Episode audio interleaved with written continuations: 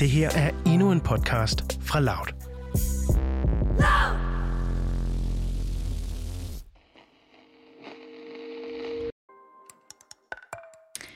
Forestil dig, at du står med en telefon i hånden og scroller igennem alle billederne på den.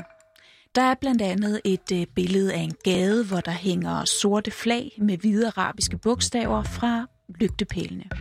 Der er også et øh, billede af en kvinde klædt i en sort burka, så du kun lige kan se hendes sminkede øjne. Hun har en riffel, måske en Kalashnikov, i en rem over skulderen og sidder ved et bord på en øh, juicebar. Der er også et øh, andet billede af den her kvinde, hvor hun står tæt op af en mand i t-shirt, som holder sin kraftigt tatoverede arm rundt om en anden riffel. Og så er der billeder af tre små børn med de samme flag som før og kasketter med samme symboler. De render rundt og leger med nogle, ja, skydevåben. Der er også et screenshot af et øh, meme med to maskerede mænd foran den tyske parlamentsbygning Rigsdagen, hvor der står Revenge will be on your doorstep. Det her er bare nogle af billederne på en tysk kvindes mobiltelefon. En tysk kvinde, som rejste til Syrien og levede i islamisk stats kalifat, men som i dag er tilbage i Tyskland.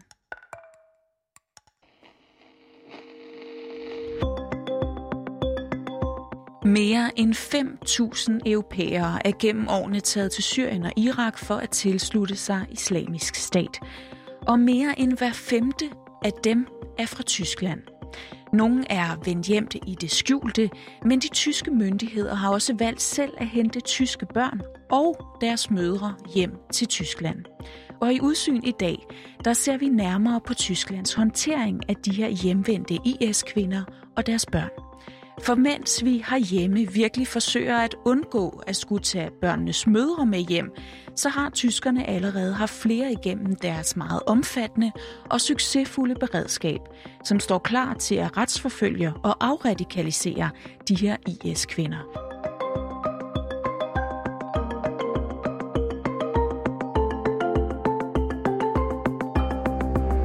Du lytter til Udsyn. Din vært, Christine Randa. Det er domstolene, som skal dømme kvinderne, hvis de har gjort noget kriminelt, øh, fædrene, øh, fremmedkrigerne, og det er statens opgave at sørge for, at børn, som jo ikke har valgt at blive født i en flygtningelejr i, øh, i Syrien, øh, eller komme derned som, som to-treårige, fireårige, altså øh, at sørge for, at de får et, øh, et ordentligt liv, og at de ikke bliver, øh, kan man sige, øh, yderligere skadet eller radikaliseret eller på anden vis øh, lider nød og, og bliver måske endda øh, senere hen i deres liv til far for samfundet. Ja, sådan ser man på det i Tyskland, fortæller Lasse Sol Sunde, som dækker Tyskland for os her på Loud. Herhjemme i Danmark ser man øh, umiddelbart lidt anderledes på det. Den danske regering har i hvert fald endnu ikke hentet nogen af de 19 danske børn og 6 danske mødre, der sidder i de kurdiske fangelejre i Syrien, hjem til Danmark. Men regeringen har dog sammen med en række andre partier nu nedsat øh, et, en taskforce, som inden den 15. maj skal undersøge mulighederne for at få børnene hjem, dog uden deres forældre. Det vi kigger både på udenlandske erfaringer, vi kigger øh, ind i vores egen lovgivning øh, med det formål at se på øh, muligheder for øh, at evakuere øh, børn uden forældre, øh, ud fra en konkret individuel vurdering, øh, og også på en sikkerhedsmæssigt forsvarlig måde inden for konventionerne. Det er det, der er opgaven. Ja, sådan lyder det fra udenrigsminister Jeppe Kofod. Og apropos udenlandske erfaringer, så lad os lige vende blikket tilbage på Tyskland. For hvordan håndterer man egentlig de hjemvendte IS-kvinder og deres børn der? Det skal vi se nærmere på nu, og lad os i den forbindelse tage udgangspunkt i en konkret sag. Den tyske kvinde Omaima A, hvis billeder du lige fik lov at scrolle igennem i starten af den her podcast. Omaima A er en, en kvinde, øh, som øh, er født og opvokset i, i Hamburg. Hun er halvt øh, sådan tysk, halvt tunesisk, og, øh, og hun blev gift med en mand, som hun fik tre børn med, som øh, i, øh, i 2014 rejste til, til Syrien for at kæmpe som fremmedkriger.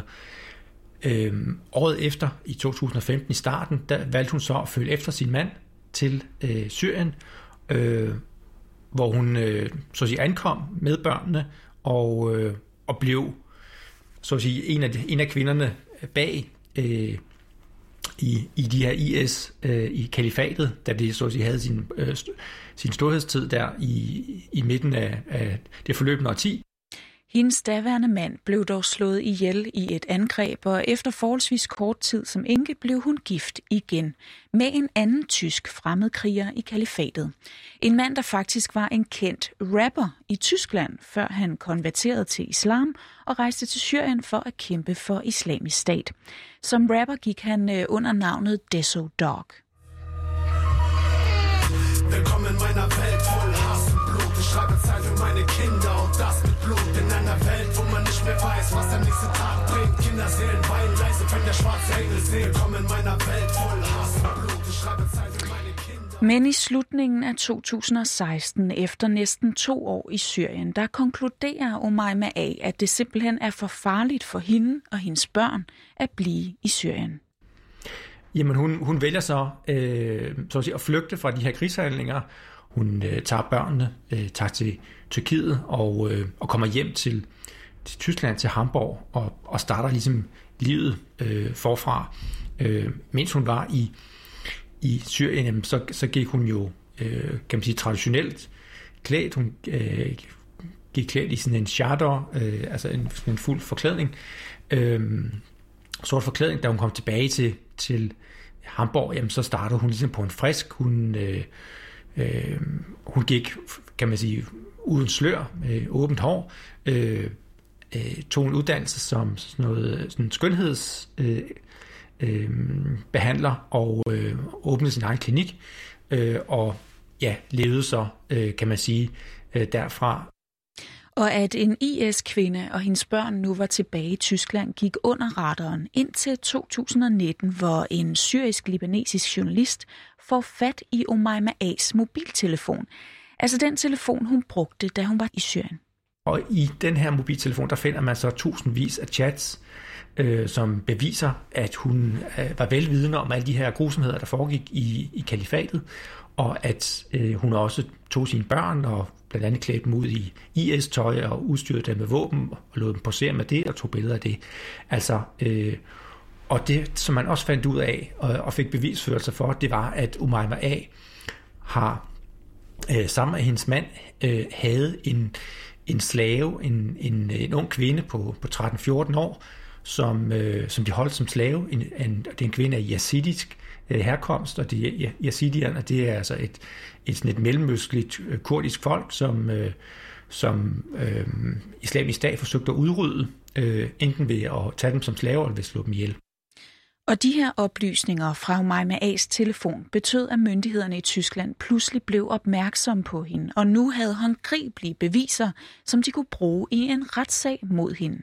Om, fordi at der var en stærk bevisførelse i de her øh, i hendes mobiltelefons oplysninger, øh, og der var beviser om, at hun havde hun havde øh, selv så at sige, haft den her slave øh, hjemme hos hende i, i Syrien, mens hun boede der. Ja, så fik hun så en dom øh, her i, i slutningen af 2020 på, på 3,5 års fængsel. Øh, og den er så senere blevet bekræftet her af, af nogle dommer her for nylig, øh, og så er der altså også kommet frem, at, man, at den her familie så havde endnu en, en yazidisk slave, hvilket så gør, at hun skal få retten igen, og, øh, og muligvis får en endnu hårdere dom, end den hun allerede nu sidder indenfor. Omaima A. hun formåede altså til at starte med at øh, snige sig tilbage ind i Tyskland for et par år siden, men blev altså afsløret af sin efterladte telefon i Syrien. De seneste år, eller øh, knap to, har man øh, dog i Tyskland fået ret godt styr på, hvem der kommer hjem fra Syrien. Og den tyske regering har jo altså øh, også selv hentet nogle børn og deres mødre hjem. Og øh, der foregår sådan rent rutinemæssigt, i, når de kommer hjem fra, fra Syrien, fra Al-Haifa, Al-Rojlejren, øh, et, et, øh, et sikkerhedstjek, øh, hvor man finder ud af, at de her, øh, altså øh, i hvor høj grad er de radikaliseret, i hvor høj grad har de været, har de været en del af noget kriminelt. Og dem, der kan retsforfølges, bliver det. Inden for de seneste par år har der øh, således været knap 10 kvinder, som er blevet dømt og som sidder inde nu. Der er alt fra, fra den meget unge kvinde, mindreårige, som rejser derned, øh, for et barn, øh, og manden, øh, hende og manden har en jesidisk slave, som er fem år gammel, som bliver lænket øh, til, øh, til en jernstang uden for deres hytte, øh, i 45 graders øh, varme, hvor hun så dør øh, af udmattelse øh, og, og, og væskemangel. Altså, øh, hun er blevet dømt her, Jennifer V. hedder hun, øh, hun er blevet dømt ved en, ved en retssag her i Tyskland. En anden eksempel er en kvinde fra Slesvig-Holsten, som, øh, som tog sin 15-årige søn, øh, med sin 15-årige søn til, til Syrien, øh, hvor han ligesom blev øh, oplært som fremmedkriger og døde i kamp øh, og hun er også kommet hjem og fået en, en dom. Så det er sådan nogle, kan man sige, sager, hvor, hvor, der har været, hvor der har været beviser, der har været vidner, der har, øh, det er ret tydeligt, hvad der er foregået, øh, men altså derudover, så er der selvfølgelig rigtig mange andre, som er kommet hjem, som, som øh, ikke er kommet øh, øh, for en domstol. Ja, det kan nemlig være super svært at skaffe bevismateriale nok til at fordømme de her kvinder. For hvilken rolle havde de egentlig? Var de aktivt medvirkende, eller gik de passivt og passede børn? Men det er altså lykkedes at retsforfølge nogle af kvinderne. Og Lasse, hvad sker der så med børnene, når mødrene de, øh, de retsforfølges? Altså, hvad skete der for eksempel med Umayma A's børn? Det, som man gør i Tyskland, det er, at, at, øh, at man har sådan et, et, øh, et beredskab, når folk de kommer hjem, altså øh, hvor at møderne bliver øh, undersøgt sikkerhedsmæssigt, men også hvor der, hvor der foregår sådan et, et øh, program af sådan socialt arbejde. Øh, familien får en kontaktperson, typisk en psykolog, en socialrådgiver, øh, som undersøger, øh, kan man sige, børnenes ved og vel, øh, og, øh, og prøver at opbygge tillid til familien. Og øh, for eksempel Omaimas øh, børn, jamen altså, de, er, de bliver passet øh, af, af, af noget familie. Øh, det, vi har set andre tilfælde, hvor, hvor at børnene er kommet til en plejefamilie. Vi har set tilfælde, hvor børnene er kommet til en tante. Øh, vi har set tilfælde, hvor de er bedsteforældrene. Altså, vi har set en lang række, øh, kan man sige, typer af, øh, af, af sager, hvor, hvor det så at sige er de, de nære slægtninge, øh, øh, eller familien på en eller anden måde, som, som har trådt til og er blevet, øh, blevet så at sige, de primære øh, kan man sige, forsørger for de her, for de her børn, som, øh, som nu kan se, at deres mor er kommet i fængsel. Og lad os lige se nærmere på det her beredskab, som øh, Lasse han nævner. Et beredskab, som har et effektivt afradikaliseringsprogram og som bruger overvågning. Jamen, i Tyskland har man jo overvåget øh, de her kvinder og børns færden, og en af dem, der ved mest om det, det er lederen af Violence Prevention Network i Berlin. Øh, han hedder Thomas Møkke, øh, og, øh, og i den organisation, han arbejder for, ja, der indsamler de jo viden om, øh, hvad man kan gøre for igen at øh, integrere de her hjemvendte øh, mænd, øh, men især også kvinder og børn, som jo så har været indblandet i den syriske borgerkrig. Så han er en, en øh, han er måske en af de en af de mennesker i Tyskland, der ved allermest omkring det her område. Og lad os lige starte med at få Thomas Mygge til at svare på, hvorfor Tyskland overhovedet har valgt at tage børnene og deres mødre hjem fra fangelejrene i Syrien. Ich sag's nochmal, in Deutschland war es keine politische Entscheidung gewesen, sondern es ist eine juristische Entscheidung. I Tyskland har man ikke lavet en politisk afgørelse omkring de her børn. Man har lavet en juridisk afgørelse. Og det hænger sammen med, at øh, kan forældrene ikke sikre barnet en tryg opvækst, jamen så er det statens opgave. Og som en del af den her juridiske afgørelse, jamen der slår man fast, at forholdet mellem mor og barn er helt afgørende. Og det er derfor, man tager både mødre og børn hjem. Man har så at sige et, sådan en retsstatstilgang. Man siger, jamen, altså det handler primært om barnets tag. Det handler om, at, øh, at børnene skal have et liv, øh, og at, at øh, at det er den, den tyske stats øh, forpligtelse at passe på de her børn. Altså øh, en af de store årsager til, at man tager både øh, mødre øh, som børn hjem, det er jo, at, at, øh, at en del af mødrene jo fortsat skal være mødre for deres børn, som er så i Tyskland, og som skal øh, videre have et liv. Øh, og der mener man så, at det, det er vigtigt, at, øh, at for barnets ved og vel, at der, at der stadigvæk er en mor til stede. I Danmark vil man dog meget gerne undgå at skulle tage mødrene hjem. Og det handler blandt andet om den sikkerhedsrisiko, man vurderer, at de udgør. Man vurderer nemlig, at flere af kvinderne udgør en mulig trussel mod Danmark. Og sikkerhedsrisikoen diskuteres da også i Tyskland. Ähm, wir haben ja diese Diskussion der Terrorgefahr schon seitdem es überhaupt das Thema IS-Rückkehrer... Vi har haft debatten om, hvor farlige de her hjemvendte syrienskrigere er, og her ser vi det mønster, at den største fare stammer fra mennesker, der er blevet radikaliseret, altså her i Tyskland. Den største fare stammer altså ikke fra de hjemvendte. Men på den anden side er det de mest overbeviste IS-krigere, der fortsat er i Syrien. Og de kan være de mest radikaliserede af dem alle. Og det er også dem, vi har haft færrest erfaringer med. Mange af dem, der tidligere er kommet hjem, jamen dem har vi kunne afradikalisere. Man får de, de fleste af dem øh, med over, så at sige, på den gode side, øh, mens der selvfølgelig stadigvæk vil være nogen, som, som vil være øh, til fare for samfundet, men øh, rationalet er, det er bedre at have dem i Tyskland og overvåge dem, øh, end at have dem i en, øh, en flygtningelejr øh, langt væk fra Tyskland, hvor de jo kvad deres tyske pas kan komme hjem til enhver tid. Og tyskerne har altså gode erfaringer med deres afradikaliseringsprogram. Omkring to tredjedel af de kvinder og børn, der er kommet hjem, der har man en, en, en klar, øh, kan man sige, succesrate. Man sørger for, at børnene øh, så at sige, kommer på ret køl igen.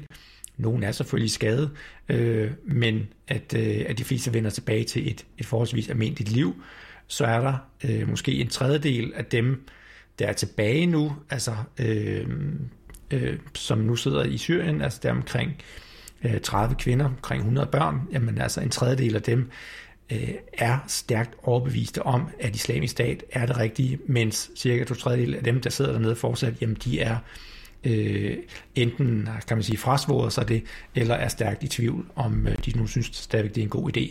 Die meisten von denen sind übrigens minderjährig ausgereist. Das ist das Ergebnis gewesen der Rekrutierungsstrategie des IS. De fleste af de kvinder, der rejste, de har været mindreårige. Det var en helt bevidst del af IS-strategien om at øh, rekruttere kvinder, der ikke stillede spørgsmål, og som var i den fødedygtige alder. Og mange af kvinderne har også haft svært ved at træffe egne valg, og de lod sig overbevise om, at det var bedre, at andre bestemte over deres liv. Og sådan kom de hurtigt til at passe godt ind i IS-strukturerne. Og med de her kvinder arbejder man derfor især med at få dem til at træffe deres egne beslutninger og være mere kritiske. Aber das Wichtigste ist eigentlich in der Arbeit, det vigtigste i det sociale arbejde, der laves med kvinderne, det er at stimulere en selvstændig og kritisk tænkning. Altså at kvinderne selv er kritiske overfor, om islam og demokrati ikke kan fungere sammen. Man forsøger at lave en, øh, et terapiprogram, hvor man ligesom går tilbage og siger, hvad var egentlig årsagen til, at du rejste? Øh, og hvordan kan du, øh, altså til nogen kvinde, øh, hvordan kan du øh, begynde at stille kritiske spørgsmål til øh, islamisk stat? Hvordan kan du begynde at træffe selvstændige beslutninger, øh, som er til dit eget ved og vel? Øh, hvordan frigør du dig fra, fra de her øh, tankemønstre, øh, hvor man jo øh, bliver frataget sin egen selvbestemmelse? Men så er der jo altså også de kvinder, der virkelig gik ind for kalifatet, og som er islamistiske ekstremister. Und dann gibt es die Gruppe von Frauen, das sind diejenigen, die sind überzeugt von der Ideologie des IS. Og så er der den sidste gruppe kvinder, der er meget overbeviste om sagen. De har rekrutteret andre kvinder, og de, de mener stadig, at islamisk stat har gjort det rigtige. Men hvem der er hvem, det ved vi ikke, før vi har hentet kvinderne hjem og undersøgt, hvem de er, og lagt strategier for, hvordan man skal hjælpe kvinderne. Og derfor bruger de tyske myndigheder, som tidligere nævnt, også overvågning af både kvinderne og børnene. Den bløde overvågning, altså gennem en, en, øh, en psykolog, en socialrådgiver, øh, øh, en afradikaliseringsekspert også, øh, kan man sige. Øh, og den hårde overvågning, altså man stadigvæk overvåger øh, øh, e-mailbeskeder, øh, chatbeskeder osv. Altså at man at myndighederne har sådan et rimelig skarpt øje til, hvem er de her kvinder, øh, øh, hvordan kommunikerer de, altså dem, der nu er i landet, og som ikke sidder i fængsel, øh, og selvfølgelig altså kommer de ud igen, jamen altså, så vil der stadigvæk foregå en overvågning af kvinderne. Og nu har vi talt meget om, hvad man gør i forhold til kvinderne. Men hvad gør man egentlig for at sikre, at, øh, at børnene ikke er radikaliseret og kan ende med at udgøre en, en, en reel fare i Tyskland?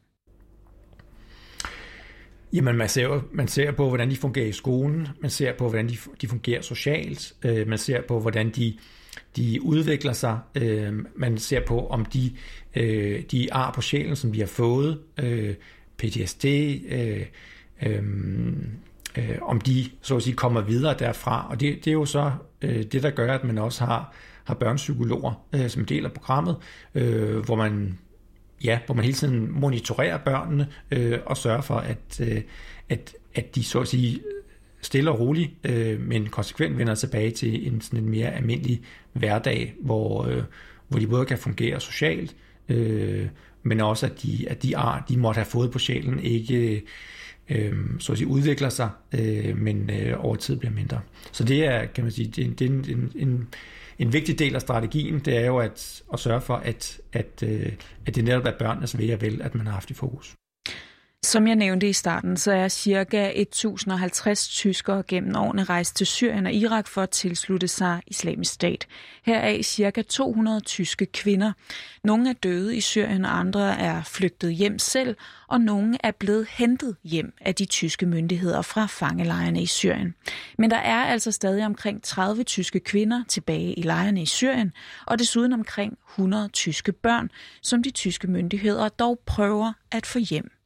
I Tyskland handler det mere om at slå på så at sige, det humanistiske. Øh, det er, man slår på ikke at, at det er øh, altså kvinder, som er skyldige før det modsatte bevist. Øh, man er selvfølgelig velvidende om, at, øh, at det ikke har været kloge eller moden eller øh, gode beslutninger for deres børn, de har truffet, øh, men man har så at sige ikke villet straffe dem ved at lade dem blive i Syrien. Man har sagt, jamen, de skal hjem. Øh, det er de samme vurderinger, som man har haft i Danmark og andre steder. Jamen altså, jo længere tid øh, de her børn og kvinder befinder sig i Syrien, jo større er, er risikoen for radikalisering. Øh, og at de så at sige, på den måde kommer dårligt tilbage til samfundet.